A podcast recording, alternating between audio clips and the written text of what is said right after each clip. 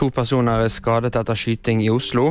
Snøvær fører til vanskelige kjøreforhold, og ny storm blåste innover California. To menn er skadet etter skyting i Oslo.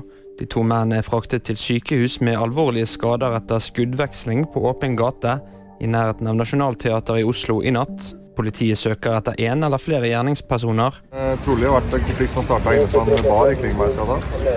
Og så har det gått ut på, i gatemiljøet, hvor det har vært eh, løsna skudd. To personer er skutt. Eh, begge er kjørt sykehus og ivaretas der. Den står ikke som eh, kritisk. Det sa innsatsleder Magnus Strande til NTB. Store mengder snø fører til vanskelige kjøreforhold.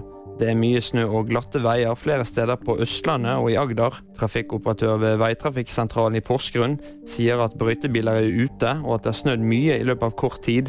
Flere fjelloverganger er også stengt. Det er kolonnekjøring på rv. 7 over Hardangervidda og E134 Haukelifjell. Kraftig uvær har herjet i California. En ny storm har blåst innover den sørvestlige delen av California og brakt flom til områder som allerede var oversvømt. I flere uker har stormer og kraftig uvær herjet i California. Helgens uvær er ventet å gi store mengder regn i lavere strøk. Og det var VG-nyhetene. De fikk du av meg, Kristoffer Gåsvær Torgersen.